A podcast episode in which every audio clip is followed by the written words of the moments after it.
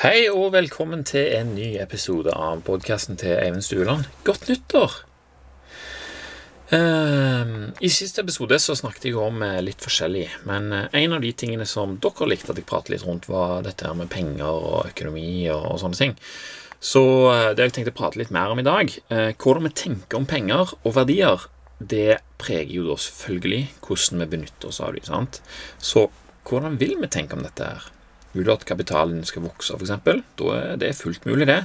Nesten uansett hvor lite penger du har, så kan du få til dette her til en viss grad. Um, og hvis du heller vil bruke det hver gang du får lønn, så trenger du ikke lære noe, for det er den enkleste sak av verden. Sant? Du får masse hjelp og veiledning til hva du kan bruke pengene dine på, overalt, når som helst. Uh, og når de er brukt, så er de vekke. Det betyr at da kan de heller ikke vokse, men vi har fremdeles noe, da, det vi har brukt pengene på. Og spørsmålet her blir jo da videre hva for en verdi gir det for oss, denne tingen? Sant? Det kan være en veldig lav verdi, eller det kan være en veldig høy verdi. Det kan være en lavere verdi enn hva man har betalt for den, eller det kan være en mye høyere verdi enn man har betalt for den. Eh, hvis vi har brukt det på ting som vi kunne klart oss uten, så er det en helt annen ting enn eh, hvis vi har tenkt oss godt om og klart å bruke dem på noe som gjør det mer verdt å leve. Samuel. Det er veldig stor forskjell på. Er pengene vekk for alltid, så kan de eh, ikke komme tilbake. Har du brukt dem på noe som gjør at de vokser, at du kan få mer penger tilbake senere, sant? så er det to vidt forskjellige verdener. Og du kan styre hvilken av de du vil eh, skal gjelde for deg nå. Sant? For det er fullt mulig å plassere penger vi har nå, et sted der det vil vokse fram til vi henter de senere. Hvor du plasserer de, bestemmer hvor mye de har vokst underveis. Og det er til og med mulig å kjøpe ting som kan brukes en stund og selges videre senere til en høyere pris. Sånn. Ikke typisk for nye ting, med mindre det er en veldig sjelden sak. Sant? Men ofte kan du, du kan kjøpe en sjelden gammel ting. Sant? Det er lettere å finne sjelden gamle ting som kanskje stiger i verdi. Men Det er litt på sida, egentlig, men det er iallfall mulig, da. Ehm, det som er poenget, eh, Eller når, når min fortids-meg Sant? Når min fortids-meg blir til min nåværende meg, og jeg tenker på hva min fortids-meg har gjort for min nåværende meg, så blir jeg jo aldri noen ting annet enn takknemlig. Sant? Tenk at han i fortida her ga fra seg noe som han kunne brukt der og da for å ha hatt det bedre eller å ha hatt det veldig gøy der og da. Sant? Men han ga det til meg istedenfor, sin fremtid sjøl. Han ga meg tillit. Og så regna han med at jeg skulle klare, min nåtids meg, skulle klare å finne en bedre bruk for disse verdiene enn det han sjøl kunne, og at alt ville være mer verdt når den tid kommer. Så han, han skjønte at jeg kunne bruke de pengene til noe bedre seinere, siden de har vokst, og siden kanskje vi har kommet på noe veldig genialt som vi trenger. Sant? Og det blir du ikke sur av. Kanskje hvis en merker at eh, liksom, hvis fortiden sjøl virkelig har spart alt, sånn at han ikke har kost seg noen ting, sant? da er det jo en helt annen ting. Men det trenger vi ikke å havne. Sant? Uh, selv om det er det vi ofte ser for oss når vi skal spare.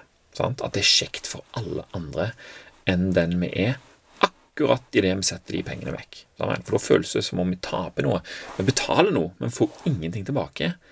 Hva vi får tilbake, det må vi skape inn i hodet vårt. sant? Eh, hvis ikke så får vi denne her følelsen av at det er noen andre enn oss som vinner, at vi taper. Eh, og det er her vi skal bruke ekstra tankekraft, for dette er en god ting.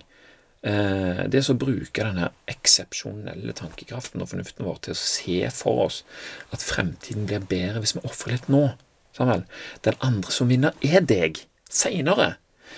Eh, og desto klarere vi klarer, desto klarere vi klarer å male dette bildet, jo kjekkere blir det å spare i nuet òg. Og hvis vi tenker over dette og skjønner hva det betyr, så vil vi kunne finne en middelvei som passer så godt at både nåtiden og fremtiden er tatt hånd om.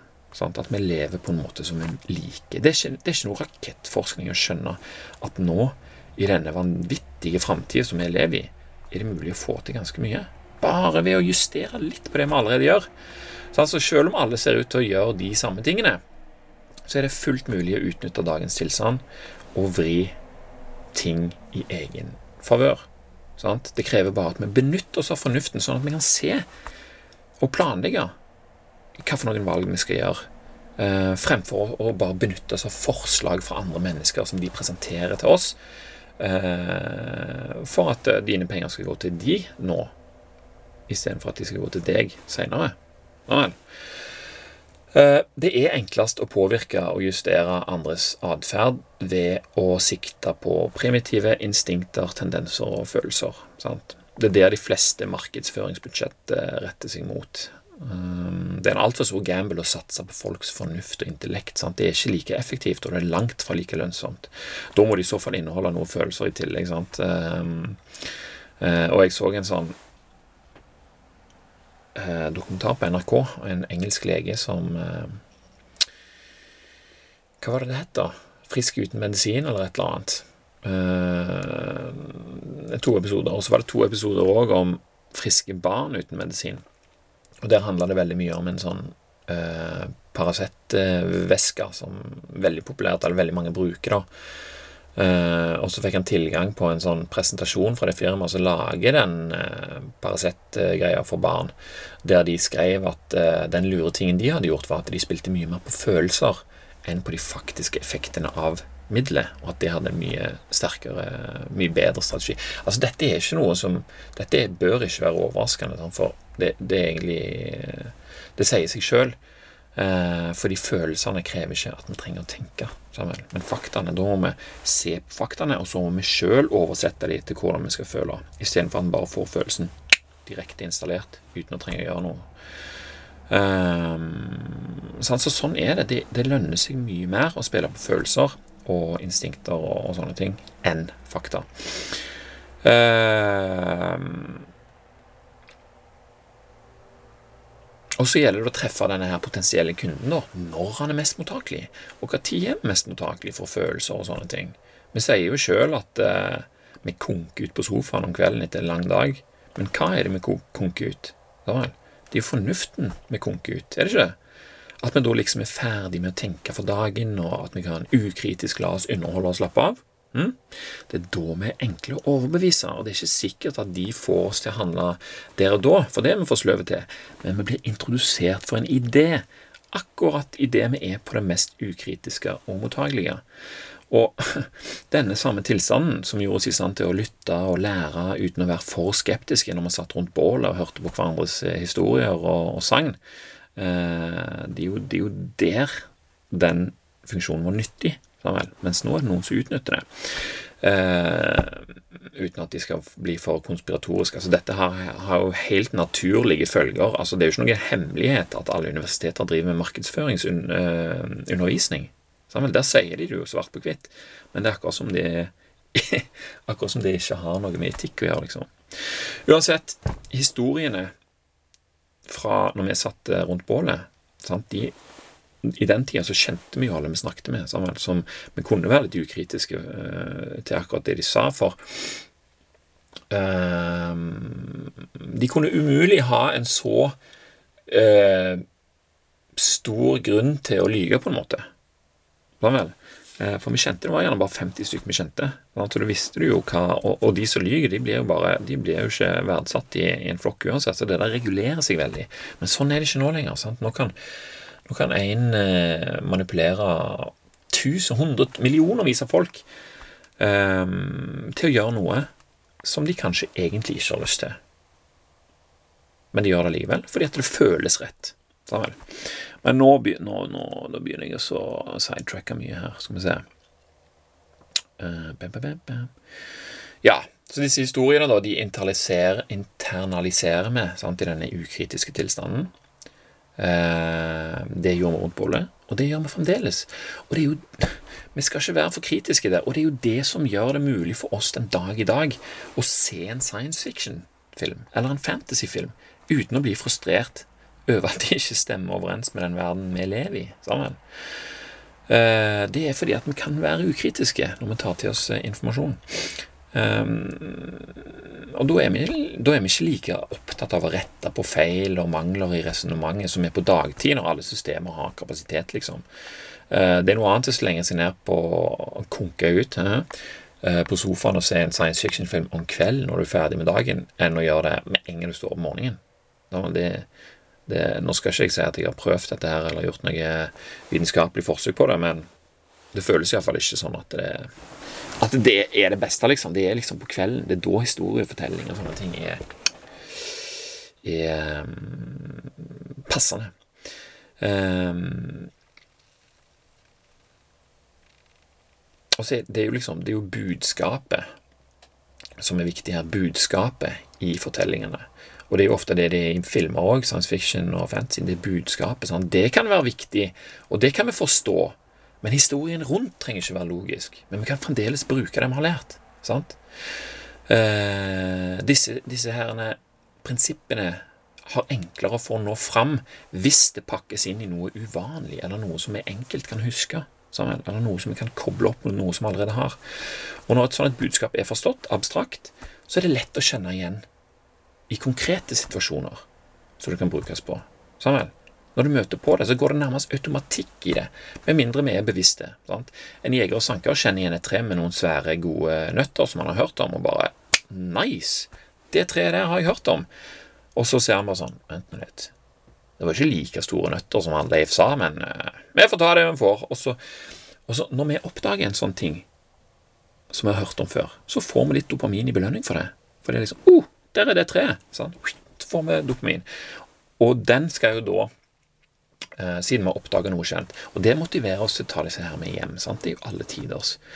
Uh, og det er jo ikke Men i dag sant, så er det ikke nødvendigvis tre minutter vi kjenner igjen. Vi kjenner igjen logoer, vi kjenner igjen fargekombinasjoner på emballasje, og den gode følelsen vi hadde når vi ukritisk satt foran TV-en og ble presentert for forslaget om at fire deilige sjokoladeplater kunne bli dine for en skarv hundrelapp.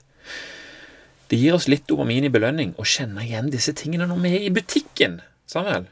På reklamen så er det liksom rennende fløte og bobler som blandes med blank sjokolade og luft i en dans av musikk og farger. sant? Det ser vi ikke når vi er på butikken, men det er det vi forbinder med den emballasjen vi ser på butikken, eller de kuene som det er bilder av på den. sant? Vi belønnes med litt dopamin for å kjenne igjen denne tingen, og når vi ser at andre òg tar det med seg hjem, oh, da blir det greit for oss òg. Eller enklere, eller mer automatisk. Før så var dette en effektiv måte å videreføre kunnskap og gener på. Samuel.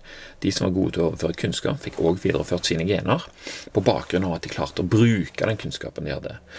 Og det er fremdeles det som gjelder i dag, bare at alt har fått ny drakt. Nå er det å kjøpe en ny bil, en ferietur, sjokolade, unødvendig dyr mat eller klær eller andre ting som gjør at det ikke er mer penger igjen til framtidens deg. Uh, uh, og dette er normalt så lenge vi tror det skal være slik. Altså, vi ser veldig få beviser på at dette er feil. Og kredittkort er en sånn moderne rundt bålet science fiction-film eh, som, som, har internalisert seg i, i hovene til mange av oss eh, mennesker på jorda. Sant? Vi har sett en reklame for hva et kredittkort kan gi et menneske. Og hvis vi bare ser på det uten å analysere noe særlig, så er det jo faen meg magisk. Du går med et plastikkbrett og bare Plutselig du, er du på vei til New York, liksom. Det er jo helt sykt. Uh, og det ser jo så digg ut, men reklamen viser ikke at den samme personen sitter hjemme med og skal betale med den regningen, sant? Og, ikke klarer han å betale hele heller denne morgenen, sånn at rentene får tid til å bygge seg og sånne ting. De tingene ser vi ikke. Sant? De må vi lete fram sjøl. Uh, så istedenfor at han får renters renter, uh, effekten i positiv retning av pengene han har spart, så vil han være gjeld som øker kanskje seks ganger fortere eh, enn hva en formue vanligvis kan klare. Og Det bildet det er det vi som må male hvis vi vil jevne ut disse lagene her. Hvis vi er litt mer overvåkne når vi skal gjøre både dagligdagse og viktige, sjeldne ting, så kan vi fremdeles kjøpe en ny bil, reise på ferie, spise sjokolade og ekstra digg mat, til tross for at vi setter av penger til at framtidens oss skal ha det enda bedre. Sant? Eller fortsette å ha det like godt som vi har det. Eh, det er ikke garantert, men det øker iallfall sjansene, da. Sant? Og på den måten så er iallfall jeg motivert nok til å gjøre noe med det. Uh, og dessuten så blir det veldig gøy når det er sånn. Det kan bli det, iallfall. Uh, og når noe er blitt gøy, så er det òg enklere å gjøre. Sant? Vi vil gjøre det. Kanskje prøver man òg å siden en liker å holde på med det, så blir det jo til at en prøver å tenke ut andre metoder for å gjøre ting på som gjør det mulig å ikke bruke eh, penger så du heller kan spare, eller å få tak i mer penger, sånn at du kan enten bruke mer nå, eller spare mer nå, eller sant. Altså, du går, jeg, går, jeg går iallfall rundt sånn og tenker sånn hm, kanskje det er det godt, eller å, kanskje kan gjøre det, og så plutselig så kommer det litt ekstra kroner. Uh, og da, da, er det blitt et spill, dette her. sant? Og spill er det jo kjekkest å vinne. Og for å vinne så hjelper det å tenke på hva en sjøl skal gjøre. Men det er òg jækla nyttig å vite hvem som er uh, motstanderne, og hva for noen regler og taktikker de bruker. Og motstandere, sant, anførselstegn. Bankene for eksempel, de vil at de skal investere i et forvalterfond. Det er en ærlig sak. Det er ingen som skjuler det. Uh, men jeg kan like greit investere i et indeksfond. Men det er ikke det bankene bruker markedsføringspengene sine på å markedsføre. Det er forvalterfond, for det tjener de mer penger på. Sånn Eh, men det skulle ikke mye sjekking til før jeg finner ut at det er mange som sier at indeksfond er, er vanskelig å slå over tid for et aktivt fond. Skal da, hva skal jeg velge her, da? Og bilprodusentene de vil jo at jeg skal synes at nye biler er mye bedre enn, det, enn de som jeg har. Og det er de òg. Men det er ikke sikkert at det er viktig for meg. Sant? Det er det de foreslår. At eh, du, denne bilen den er mye bedre. Den er, den er faktisk kjempebra. En av de beste bilene på markedet. Og det bør være de, de håper jo at det skal bli viktig for meg, men det er jo ikke sikkert at det er det. Apollo og Ving de vil at jeg skal kunne vise mine venner og skjønte bilder fra fantastiske ferier. Sant? Og hvis de klarer å få meg til å gjøre det, da er det jo Apollo og Ving som får pengene mine. Freya og Nidar de feirer kutt i sukkeravgiften med å fortsette å selge fire sjokoladebater til 100 kroner. Vi får jo energi og kortvarig glede av det, men samtidig så tvinger vi jo kroppen gjennom prosessen som kreves for å fordøye det. Sammen. Og den prosessen den kan gjøre at du er i dårligere stand til å bruke tankekraften din til å omgås alle disse her følelsene og tingene som, og forslagene som blir slengt foran oss. Eh, det krever mer vedlikehold av en kropp som har spist masse sjokolade, enn en som ikke har spist det. sant? Nidar for pengene dine, og din fremtidige sjøl kan aldri få noe som helst ut av det, utenom kanskje et lite bidrag mot eh, diabetes, da. Men ikke noe særlig av verdi, iallfall. Eh, alt sammen bare forslag, altså markedsføring. Forslag til hva vi skal bruke penger på, og forslag til hvordan vi skal føle oss når vi gjør det. Forslag, ikke fasit. Fasiten den må vi finne sjøl? Og alt er ikke like fornuftig sjøl om det er billig det er tidvis billigere å kjøpe sjokolade og smågodt med ingredienser fra tropiske land langt vekke som er fraktet over svære hav og alt mulig, enn lammekjøtt som har spist lyng og gras og vokser vilt rett oppi hugget oppi fjellet her. Sant? Men hva velger vi, og hvorfor velger vi det? Er det vi velger, bra for oss? Hvem er det som egentlig betaler når vi får noe ekstra billig? Er det kroppen min? Er det bonden? Er det jordsmonnen i et annet land? orangutangene, delfinene Hva det nå enn som kan svinge følelsene dine i en fornuftig retning for din egen del, kan du jo bruke. Tanker rundt dette kan hjelpe oss å ta gode valg, og at vi får glede ut av det vi bruker penger på. Motstanderne våre, motstanderne våre er for store og har for mange ressurser til at de bare kan ta dette her overfladisk. Eh, sant? Til at, til at, vi bare kan ta dette her overfladisk. Vi må faktisk gå i dybden, sånn at vi kan oversette hva det er vi ser, til hva det egentlig betyr. Og det krever bruk av fornuft. Og for meg som har mast om fire sjokoladeplater for 100 kroner i en evighet, så vil synet av dette fenomenet, enten det er i butikken eller i markedsføring, det vil bare få meg til å, le litt, riste litt på hodet i oppgitthet, samtidig som jeg smiler av at jeg eh, At denne markedsføringen er retta mot meg, og at den blir brukt forgjeves. Da får jeg litt sånn Å ja, Nidar, ja. Du trodde, men nei. Sant? Da har jeg brukt fornuften min til å kode om beskjeden dette synet skal gi meg, og så får jeg dopamin når jeg ser det, men jeg får det ikke av at, men jeg får det av at jeg ikke skal kjøpe det. Og belønningen gjør at jeg ikke lider konsekvensene et slikt kjøp gir, samtidig som jeg har pengene mine til andre ting. Sant? Og det gjør meg glad. Og 100 kroner. Det er ikke snakk om at en 100-kroning skal endre livet ditt, men tenk bare hva, hva hvis du, hvis du Det er jo veldig lett å bare kjøpe sjokolade hver dag. Sant? Og det er veldig lett å bli avhengig av sukker. Og hvis det er det du holder på med, så kan du bare begynne så vidt å pirke i hva konsekvensene for det vil bli i forhold til oppførselen din og valgene du tar og sånn, så kan du se at konsekvensene blir mye, mye, mye, mye, mye større enn 100 kroner uh, tynnere lommebok. Sant?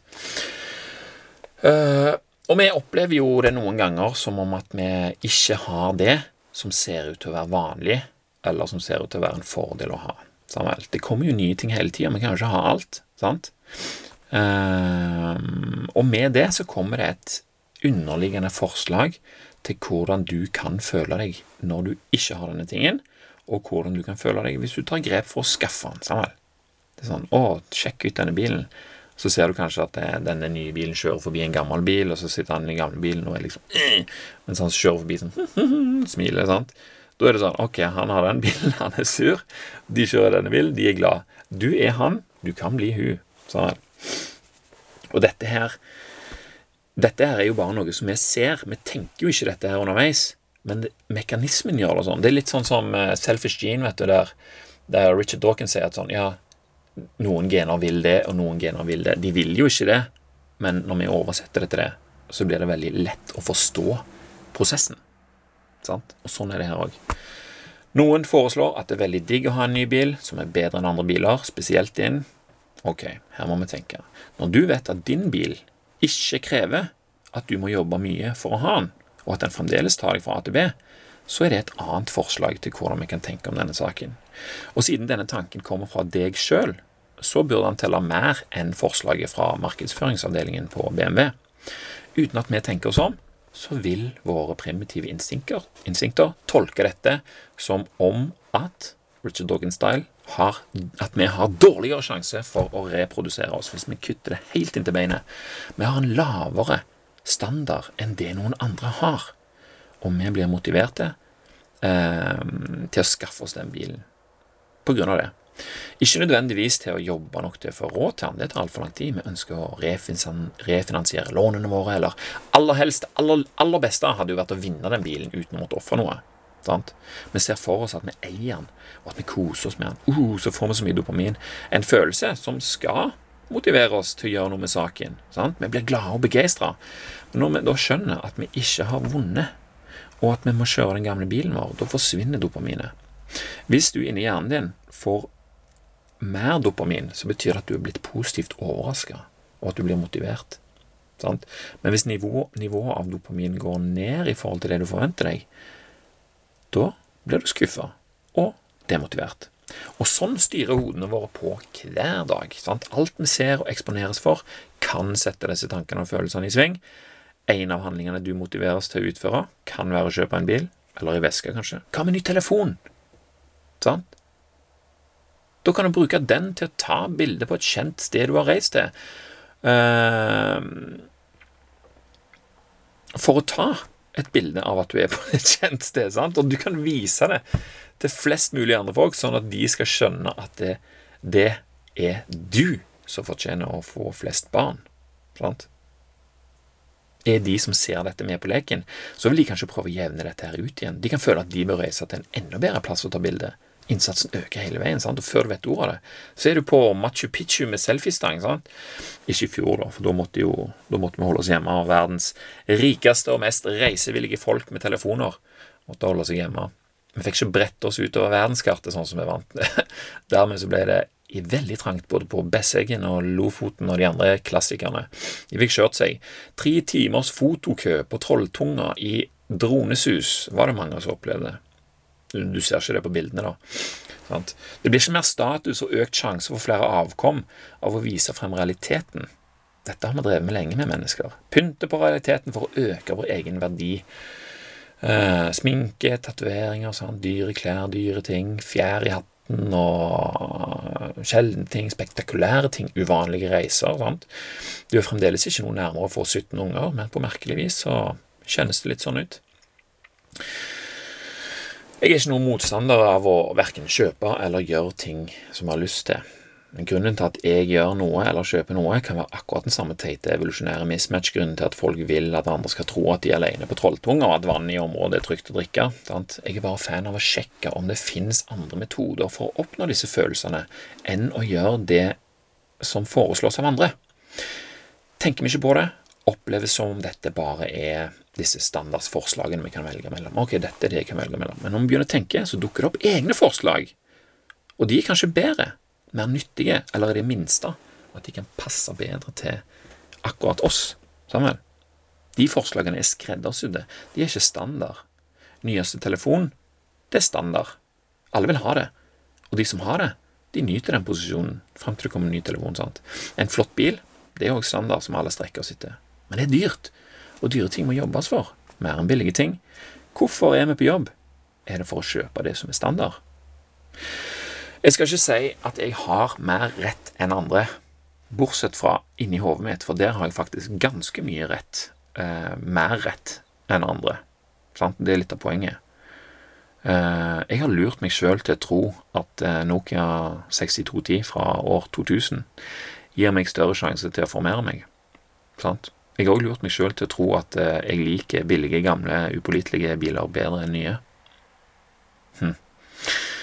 Da trenger jeg kanskje ikke jobbe så mye som de som vil ha nye telefoner og nye biler. Eller kanskje jeg kan spare de pengene jeg ikke bruker på de dyre tingene. Kanskje det er nok til at jeg en dag ikke trenger å jobbe mer. Hm? Det er lett å tenke at noe dyrt og flott skal gjøre oss gladere, og det gjør det òg for en liten stund, men over tid, hva skjer over tid, koster det mer enn det smaker? En kamerat av meg kjøpte en modell S uh, Tesla. Så har du de håndtakene, vet du. De, jeg har hatt dødslyst på en modell S, uh, så jeg sier ingenting på det. Uh, jeg må jo bare så gøy, sant, men jeg har ikke kjøpt det, da. Eh, så har du de der håndtakene på, på den modellen. Så de er jo innfelt i døra, og så kommer de ut når de skal bruke sånn. Dritkult. Det er dritkult. Helt til det ikke funker. Og da har du en irriterende bil så du betaler tusenvis av kroner for hver måned. Som du må bruke andre dører enn de som er beregna på deg for å komme inn. Sånn, hvor kult er det? Kan hende det blir plagsomt? Ok, hva gjør det med tanken din om verdien på bilen? Vil det påvirke hvordan du tenker om andre ting i løpet av dagen? Heldigvis er det ingen som ser håndtaket, da, at det er sånn når du kjører. Uh, men spørsmålet er fremdeles om du får flere barn av det, da, hvis det er status du er ute etter. Én ting er å, å, å, det, å, gjøre en ting fordi du, vil ha det gøy, en annen ting er fordi du vil ha status. Den statusen der. Åh, oh, jeg elsker å bare oversette det til at uh, noen vil ha flere unger. Ingen av dørene på de gamle transporterne mine er så fancy, men jeg kommer, jeg kommer meg iallfall ut og inn. Ah, den ene døra er faktisk eh, litt ødelagt på håndtaket, men det går iallfall an å se det.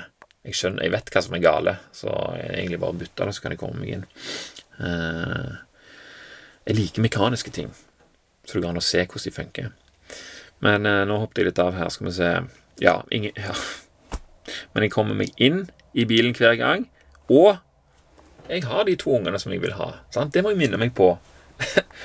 Eh, dette her, sant? Altså, Det blir jo bare en sånn historie som går inn i hodet ditt. Om den historien er sann eller ikke, det spiller jo ingen rolle. Det som spiller noen rolle, er om du kan bruke den historien, eller det universet, til å skaffe deg de resultatene du vil ha. Samuel. Vi har jo alle slags historier inni hodene våre som får oss til å gjøre ting. Det er bare ikke alltid at vi snakker om de, eller skriver de, eller tenker på de. Eh, sånn.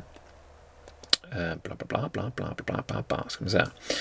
Og så når vi først har kjøpt en sånn dyre ting, så er det sånn oh, shit, liksom, ting som blir ødelagt. Ja, ja, vi trøster oss med garanti og forsikring. Det skal redde oss når noe ikke fungerer så bra som det skulle ha gjort. Sant? For vi tenker helst i rene kroner og øre. Vi oversetter ikke ti kroner til hvilken følelse det er. Samuel? Antall minutter i frustrasjon og følgene det bærer med seg, eller de ekstra timene vi tilbringer på jobb for å få dette til, vanskelig å legge inn i en ligning av følelser og verdier og penger. Samuel. Vi resonnerer i retning av å øke forbruket på noe fordi vi har mer enn før. Sant? Um, altså, hvis du kjøper en ny telefon, en helt ny, dyr telefon, da har du mer enn før. Men for at du skal kunne slappe av med denne telefonen, så er det litt deilig å ha en forsikring på den òg. Da trenger du ikke være så redd for den. sant? Så da har du altså jobba x antall timer for, for råd til telefonen, og så må du fortsette å jobbe for å kunne beholde den, sånn at du slipper å være redd for den. Sant? Skal jeg se deg en annen metode for å slippe å være redd for noe? Kjøp ting som du har råd til å miste. Min Nokia 6210 koster meg 250 kroner. Den er ikke forsikra, men det trenger den heller ikke være. Bob Geldof han eh, kaller sin Nokia 6210 for Eller han kaller Nokia 6210 62 for The AK-47 of mobile phones. Og det er fordi at de alltid virker, nesten uansett hva som skjer med de. Men jeg har forsikra meg likevel, da. Og det er at jeg har en til sånn telefon til 250 kroner, som kan ta over når 6210 mot all formodning skulle konke ut, som han ennå ikke har gjort etter 20 år. Jeg kan fremdeles ringe med den telefonen, ingen markedsføring treffer meg gjennom den, og det er en kjempebonus. Jeg har ikke en ny og fancy bil, men jeg kan fremdeles kjøre med de gamle bilene mine. Faktisk kan jeg ta hele familien på tur i ukevis med den bilen der. Hva for en verdi har det?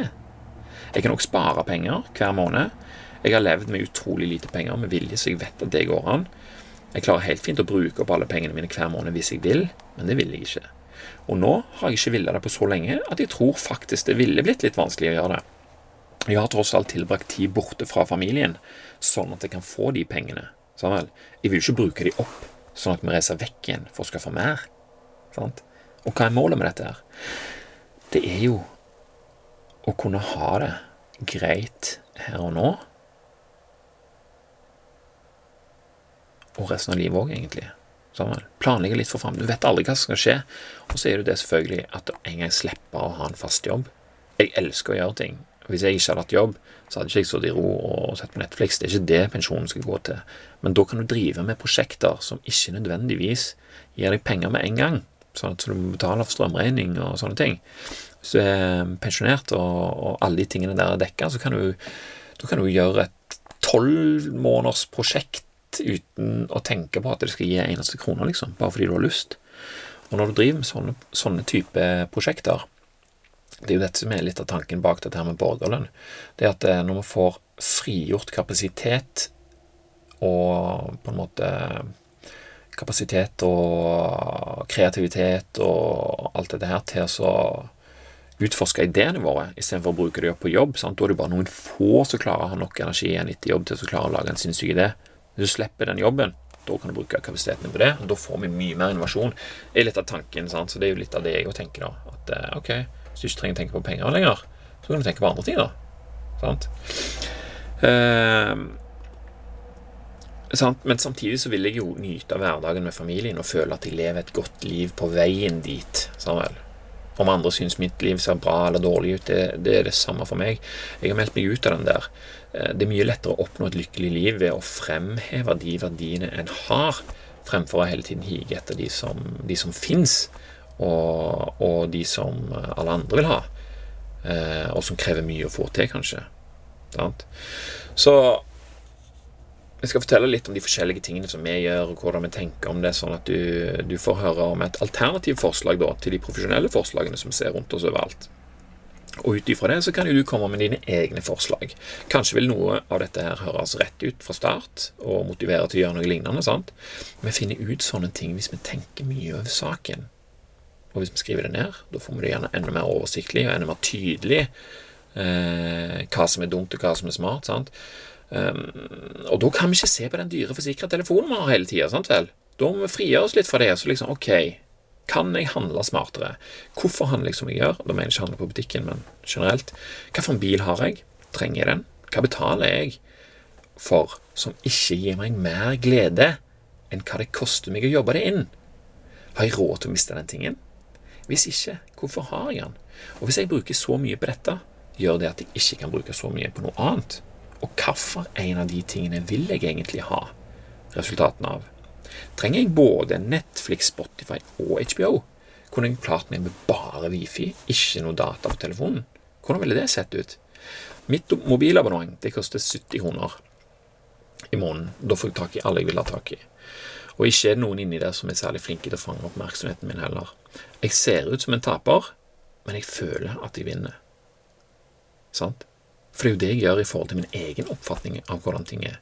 Uten HBO, data, Spotify og Netflix så har jeg mine 756 kroner for meg sjøl den måneden. Hver måned.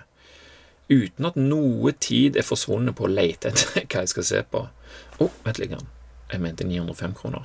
For jeg må jo ha forsikring på, på telefonen min. 149. Det er ikke så mye.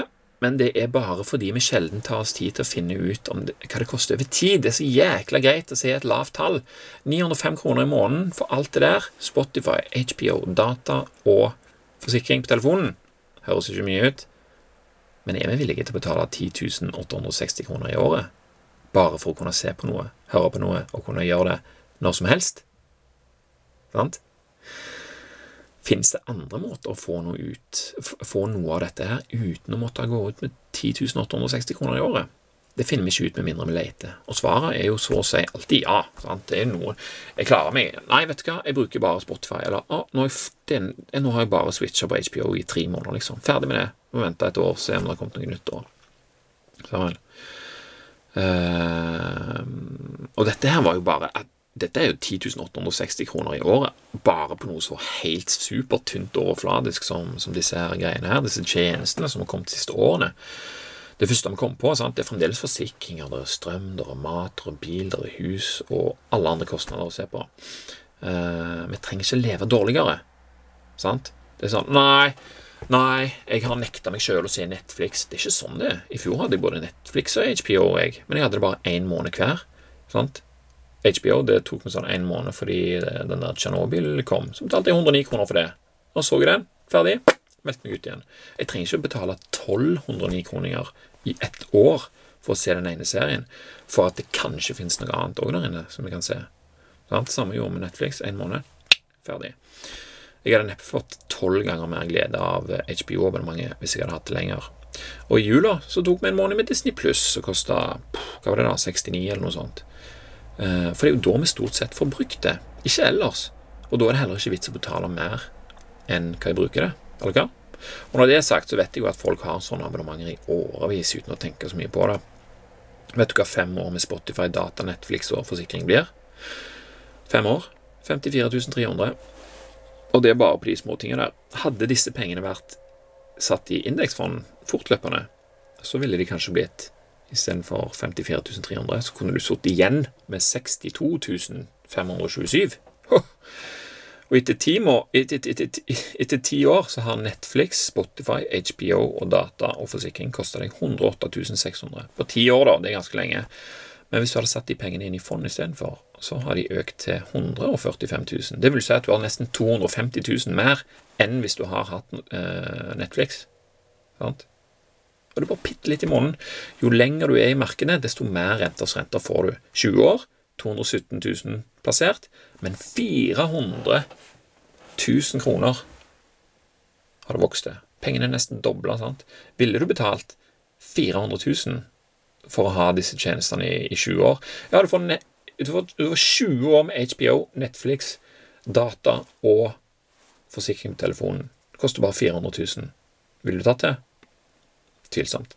Netflix de ble etablert i 2007, og det er 23 år siden. Jeg skal si deg en ting, at det er mye mer å hente på å investere i en sånn bedrift enn å benytte seg av produktene deres. Jeg googla litt, det gjorde jeg ikke forresten. Jeg duckduckgo. Goa. Det er en annen nett, nettleser som jeg bruker. Men jeg duckduckgoa dette her, og da kom jeg til en nettside som har tatt seg bryet med å finne ut at hvis du hadde investert 1000 kroner i Netflix i 2007, litt mer enn det koster for ett år med tjenesten, så ville du hatt 108 000 kroner i mai 2018. 1000 kroner brukt, 107 000 tjent. sant? Riktignok på 23 år, da, men sant? hvem har ikke råd til å sette en tusenlapp av? Altså, plutselig har det gått 20 år. Sant? Når jeg var for 20 år siden, da var jeg 16. Hvis jeg hadde visst det nå, så kunne jeg jo hatt, eh, så kunne jeg gjort det da. Sant? Men jeg har kun gjort det fra når jeg visste om det. Og hvis du ikke har kommet på dette her ennå, så kan du komme på det nå, og sette inn de pengene nå. Så hvis du ikke gjør det nå, så får du ikke sjanse til å vokse. Det er dette her kinesiske ordtak. Sånn. Det, beste tidspunktet å plante et tre på er for 50 år siden. Men hvis du ikke gjorde det for 50 år siden, så er jo det annet beste tidspunktet nå. Med en gang. Plant det. For uh, du får aldri sjansen til å reise 20 år tilbake i tid for å investere noe. Det er bare ikke sånn det funker. Um, men sant, 107 000 kroner tjent på den tusenlappen. Men nå blir det enda sykere. Hvis du hadde fortsatt å investere 100 kroner i måneden, ca. verdien av månedsabonnementet fram til 2018, da ville du ha plassert totalt 25 000 av dine egne penger. Sant? Det er ikke mye over, fem, over 20 år. Spesielt ikke når du sitter igjen med 629 747 kroner etterpå. Sant? Over 600 000 kroner i renters renter. Sånne regnestykker gjør det enklere for meg å la være å ha noe som koster penger, som jeg egentlig klarer meg uten. Samtidig motiverer det meg til å finne andre steder som jeg kan bytte ut forbruk med investering. Og jeg vet jo at det regnes ut hvor mange som ikke har til vane å melde seg ut når de først har meldt seg inn. sant? Det er jo de som betaler for at en sånn som meg kan ta en eh, enkel måned uten å fortsette kundeforholdet. Det er ikke synd på noen, sant? for det er selskapene sjøl som kommer med retningslinjene, og det er opp til forbrukeren å gjøre hva de vil med dem. Hvis noen betaler hver måned uten at de egentlig bruker tjenesten, det er opp til de. Hvis noen andre vil se masse i løpet av den, den, måneden, den ene måneden de abonnerer, da er det opp til dem. Det er HPO som kommer med føringene, sånn at vi kan gjøre som vi vil. De vet bare hva de fleste pleier å gjøre, sant? og så lager de sin strategi ut av det. Og så vet de òg at det er sånne folk som ikke, ikke havne i den kategorien som gir mest inntjening for dem. Og det er tatt med i beregningen. Hva folk vil, og hva folk gjør, er ofte forskjellig. Og fram til det blir veldig mange flere av de som bare ser én måned, så er vilkårene like. Det betyr at det er mange som ikke gidder å gjøre noe med det, men det betyr ikke at du ikke trenger å utnytte det. Sant? Hva som er mulig, og hva folk velger å gjøre, veldig forskjellig. Og det er det som gjør det mulig å holde på sånn. Sjøl har jeg bare ett abonnement, uh, YouTube Premium. Uh, det har jeg tatt for hele familien. Det koster 179. Det gikk en god del tenking med eh, hva, hva, jeg skulle velge å bruke penger på å abonnere på i denne her alt, sant? for det er jo ganske mye. Men det som veide veldig tungt, var at jeg syns ikke noen ting om at å se reklame på YouTube for verken meg eller ungene eller kona mi eller noen i det hele tatt. Uh, og da er det veldig billig med 179 kroner, sant? for hvis jeg ikke betaler de 179 kronene, så betaler vi på en annen måte. Å gjøre oss tilgjengelig for eksponering av diverse er én måte å betale på. sant? Uh, og når vi har YouTube Premium, så kan vi laste ned de sangene vi vil, og de filmene vi vil, når vi er hjemme med Wifi, sant? for det har vi jo hjemme. Ikke så kjipe. uh, det er litt mer styr, men fordelen kommer i at du da må velge noe som du skal se, noe du faktisk ønsker å ha tilgjengelig under, uten nett. Sant? Altså at du tar den avgjørelsen. Og Da blir det ikke like lett å vise deg reklame eller foreslå nye videoer eller bare sette på en som du ikke har bedt om. Sant? Da har det Kontroll kalles det. Sant? Og basert på den økende kontrollen vi gir fra oss, sant? med autoplay og alt det der, så vil jeg tro at dette er en av disse primitive tendensene våre som uh, disse firmaene eh, bruker. Jeg kan ikke si at de bruker det mot oss, for de gir oss jo det vi vil ha, sant vel. Men vil vi ha det? Vil vi ha effekten av det? Det er et annet spørsmål. Sant? Så det er der at Du, slapp av. Ikke bare er YouTube gratis, men du får også festlige reklamer, og så setter vi på neste video for deg, uten at du trenger å velge. For vi vet at veldig mange folk bruker tid på å switche, så det kan føles som en gave. Eh, og så opplever vi illusjonen av at det er en fordel da, at noen velger noe for oss og bare setter det på uten at vi trenger å gjøre noe. Sant? Men dette både koster oss og endrer oss, ikke minst, i lengden. Men hvordan? Det vet vi ikke. Det er for vanskelig å forutse. Vi må bare stole på at det er bedre hvis vi har kontrollen sjøl og kan stake ut vår egen retning. For vi blir påvirka. Sånn er det bare. Vi har vel alle på et tidspunkt i livet gått og nynna på den, bare den verste sangen vi vet om. Sant?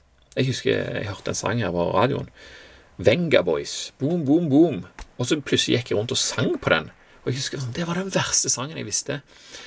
Eh, og sånn kan vi gå rundt, bare fordi vi hørte en tilfeldig sang på radioen et sted, der vi tilfeldigvis var, akkurat når noen andre valgte at den sangen skulle sendes ut på radionettet. liksom. Omgivelsene påvirker oss. Vi har muligheten til å justere de i retning sånn som vi ønsker det. sant? Men gjør vi det? Jeg tenker at uh, vi gjør det litt for lite. Tenk over hvor mye lettere det er å se noe du ikke egentlig bryr deg om, når den tingen bare starter uten at du trenger å gjøre noe. Skifter du? Eller ikke? Før så var det jo bare lineær-TV, satt vi så på TV, men det var ingen som registrerte om dette var noe du likte. Det var bare sånn ratingtall. Det er jo sånn superoverfladisk. Nei, dette heter det rating. Jeg husker ikke. Uansett, eh, nå er det så Det er deg det handler om. Du har tusen, titusenvis av eh, av sånne punkt som de kan basere algoritmene sine på eh, for å vise deg det som de mener at du liker. Sammen. For algoritmen tenker at du liker dette her hvis du ikke skifter, og da får du mer av det samme, men mer av hva? Noe du var for sløv til å skifte fra, men som du egentlig ikke bryr deg om. Er det grunnen? Sant? Helt tilfeldig. Og begynner du å bry deg om det etter hvert, som du blir fora mer av dette her. Sant? Og hva er det da for noe? Da er det noe som ender opp med å endre oppfatningen din av ting som du egentlig ikke hadde noen plan om å endre. Sant? Og kanskje dette nye som du har havna havnet oppi, tar oppmerksomheten fra noe som du faktisk ønsker å jobbe med eller finne ut av. Hvis du ikke har sett Social Dilemma ennå, så kan du gjøre det for en enda bedre innføring. Dette her. Det har så mye å si, altså. Og jeg tror at eh, når vi tar ansvaret sjøl, akkurat som med pensjonssparing, så kommer vi bedre ut av det totalt. Og En annen ting som sparer ganske mye penger, samtidig som det øker kapasiteten vår, det er å holde oss friske og raske. Og det er mange måter å gjøre det på, eh, selv om de fleste bare tror det er én eller to toppturer og treningssenter. Noe koster penger, annet gjør det ikke. Jeg har ikke vært medlem i noe treningssenter på åtte år. Eller jeg har brukt treningssenter, men det er fordi jeg jobbet der. Åtte år uten treningsabonnement. Vet du hva jeg sparer på det, eller? 50 000. Men jeg har vært veldig heldig å jobbe på steder der det går an å trene, da. Så jeg har jo kunnet gjort det hvis jeg ville. Og det var ikke tilfeldig heller. sant? Jeg har tatt jobb til jobben i, i svømmehallen fordi jeg elsker badstue. Plutselig kan bade, og elva var rett bak, og åh, det var helt perfekt. sant? Ja takk, den jobben tar jeg. Og da får jeg inkludert i jobb. sant? Uten, øh, men jeg jobber ikke der nå lenger, da, men sånn er det. Uh, jeg kan fremdeles Jo, forresten, jeg jobber der litt, sånn at jeg fremdeles kan bruke det. Bare det at uh, badstua har vært stengt siden mars, så jeg har ikke fått tatt badstue nå, så jeg vurderer å bygge meg en sjøl. For det er noe som jeg kunne brukt penger på, som gir meg en såpass høy verdi at uh, den verdien er høyere enn hva de pengene uh, er da for meg. sant? Det, det, det er sånn jeg kunne resonnert. Ellers så har jeg to kettlebells hjemme, og de bruker jeg veldig sjeldent, siden jeg får mer enn nok trim av å klatre i stallas og snekre, grave, sage og hoppe på trampolinen med ungene. Mennesker vi er nødt for å trene med fordi at vi ikke beveger oss nok. Men hvis vi beveger oss nok, da trenger vi vel ikke å trene. I hvert fall ikke på et sted som tar seg godt betalt. Altså to-tre måneder uten treningssenterabonnement finansierer det utstyret du trenger for en liten, men tilstrekkelig hjemmegym. Sant? Og så har du selvfølgelig pushups, stå på hendene, bevege hofter, skuldre og knær. Det er jo gratis, og en solid pensjon for fremtidens deg. Så uten data, Netflix, treningssenter, da har du god tid til å finne ut av ganske mange ting. Sant? Altså, jeg sier ikke at du skal melde deg ut eller av alle disse tingene her, men tenk litt over hvor mye du betaler, og hvor mye du får igjen. Det kan godt være at ditt treningsabonnement er veldig viktig for deg, fordi det er der din sosiale arena er, der du snakker med folk, og der du lærer ting, og bla, bla, bla. sant? Det kan godt være det. Og det kan godt være at du har et yrke som gjør at det å ha Netflix er dritviktig, liksom, fordi at du ser på et eller annet som er der inne. Men du må finne ut hva den verdien er, og hvis den verdien på det du får, er lavere enn det du betaler, og lavere enn kanskje hva ellers du kunne brukt de pengene på, så har du en no-brainer. Samuel. Så uh, hva for noen ting abonnerer, abonner, abonnerer du på? Hvor mye blir det i måneden? Hvor mye blir det i året? Hvor mye blir det på ti år? Har du en drøm om noe du vil gjøre om 20 år, når ungene flytter ut, eller whatever? Og ofre Netflix og Spotify, to ting som har klart oss dritbra uten før de kom, det kan være nok. Og jeg er sikker på at du finner mer givende alternativer å bruke tiden på i, i mellomtida. Uh, dette er et veldig kjekt tema å prate om, og det blir mye prat. Sant? For jeg kunne sagt sånn uh, Ja, dette er en episode om økonomi. Ikke kjøp det du ikke trenger. Ikke bruk mer penger enn det du uh, tjener. Og så plasser så mye som mulig inn i indeksfond. Ferdig. Altså, men det er, ikke, det er lett å forstå at det er lurt å spare. Det, det er enkelt men det er hvordan vi skal få oss sjøl til å gjøre det som er utfordringen. Derfor må vi bruke sånne eksempler og, og prate på den måten der. For, for vi er ikke skrudd sammen sånn at vi bare kan gjøre det som er logisk. Vi har følelser og alt mulig som, som, som Og, og blir påvirka av omgivelsene, som alltid gjør det vanskelig for oss å vite hva vi egentlig liksom, hva det egentlig er som er lurt å gjøre. For meg så hjelper det å tenke, og det hjelper å skrive, og det hjelper å lage sånne regnestykker. Uh, for det er jo en fordel om vi kan synliggjøre hva vi gjør, eller effekten av hva vi gjør, hva som skjer når vi gjør det, og hva som kunne skjedd isteden. Og jeg tar ikke fem flate ører for å sette noe på spissen. Mange syns det er irriterende, men jeg syns det hjelper meg å gjøre det som jeg vil ha resultatet av. Samuel. Når jeg sier sånn Ja, vil du betale 400 000 for Netflix, liksom? Nei. Da har jeg satt det på spissen, og da kan jeg oversette det til at jeg heller ikke vil betale 79 kroner i måneden for det, eller 109, eller hva, hva det er for noe. Eh, når vi gjør det enklere å skjønne om vi vil fortsette med det vi allerede gjør, eller om vi vil endre atferd. Eh, kontrollen den er det jo vi som har i utgangspunktet. Men hvis vi har gitt den til notifikasjoner, aviser og sosiale selskaper, så får vi det vi fortjener. På samme måte fortjener vi òg resultatene av at vi sjøl tar den kontrollen tilbake. Uh, og Jeg sier det bare igjen, jeg som professoren i Tromsø sa, glede og lykke kommer når vi opplever framgang i livene våre, og at den framgangen er til dels på grunn av at vi er en del av den, og vi kan styre den. Sant? Vi kan styre dette her. De som styrer sjøl, de kommer oftere fram dit de vil. Mens de som liker å bare sitte på og se på Netflix, overlater kontrollen til bussjåføren, de havner der bussen skal, sammen med alle de andre som ikke styrte sjøl. Og så lurer de på hvorfor, hvorfor de har det de har, mens andre har det de har. Sant? Alt jeg kan se på det endestoppet, det er en spinkel pensjon og en begrensa siste del av livet. Det er blitt så vanlig at folk får en begrensa siste del av livet når de går over i pensjon, for de har ikke tatt det ansvaret før. Før i tida så var det sånn at ok, du jobbet, og så fikk du pensjon, og så var det omtrent likt. Sant? Men så har det bare blitt dårligere og dårligere og dårligere. Samtidig som vi har tjent mer og mer penger når vi jobber, men vi har stolt på at uh, vi skal fremdeles bare få pensjonen mange år fram i tid, og ikke gå ned i livsstandard. Det er ikke sånn. Det er ikke sånn.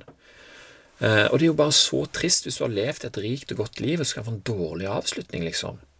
Der du, der du blir så begrensa. Jeg husker en kompis av faren min. Han, han pensjonerte seg, og liksom, han, han hadde gleda seg så enormt. Og så snakket vi med faren. Ja, hvordan går det med han eh, pensjonisten, da? Så jeg sa, åh, han fant ut at han hadde jo nesten ingen penger og kunne ikke gjøre noen ting, omtrent, når han endelig hadde fri. Hvor, kjedelig er ikke det? Da ender du kanskje opp med å bruke pensjonen din på Netflix og HBO, da, sånn, at du iallfall har noe å gjøre på. Det er jo ganske billig sånn sett. Men eh, jeg ser for meg at min siste del av livet skal være en fortsettelse på alt det fantastiske som livet har å by på nå. Sånn. Jeg har det superdigg nå, jeg.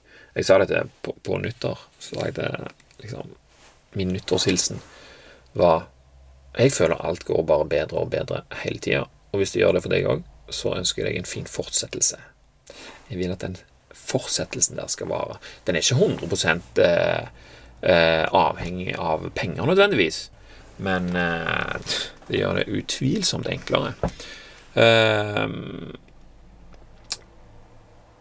og sånn, for, for, at jeg skal kunne ha det digg da på den slutten, så tenker jeg at eh, penger og helse er det veldig stor fordel å ha.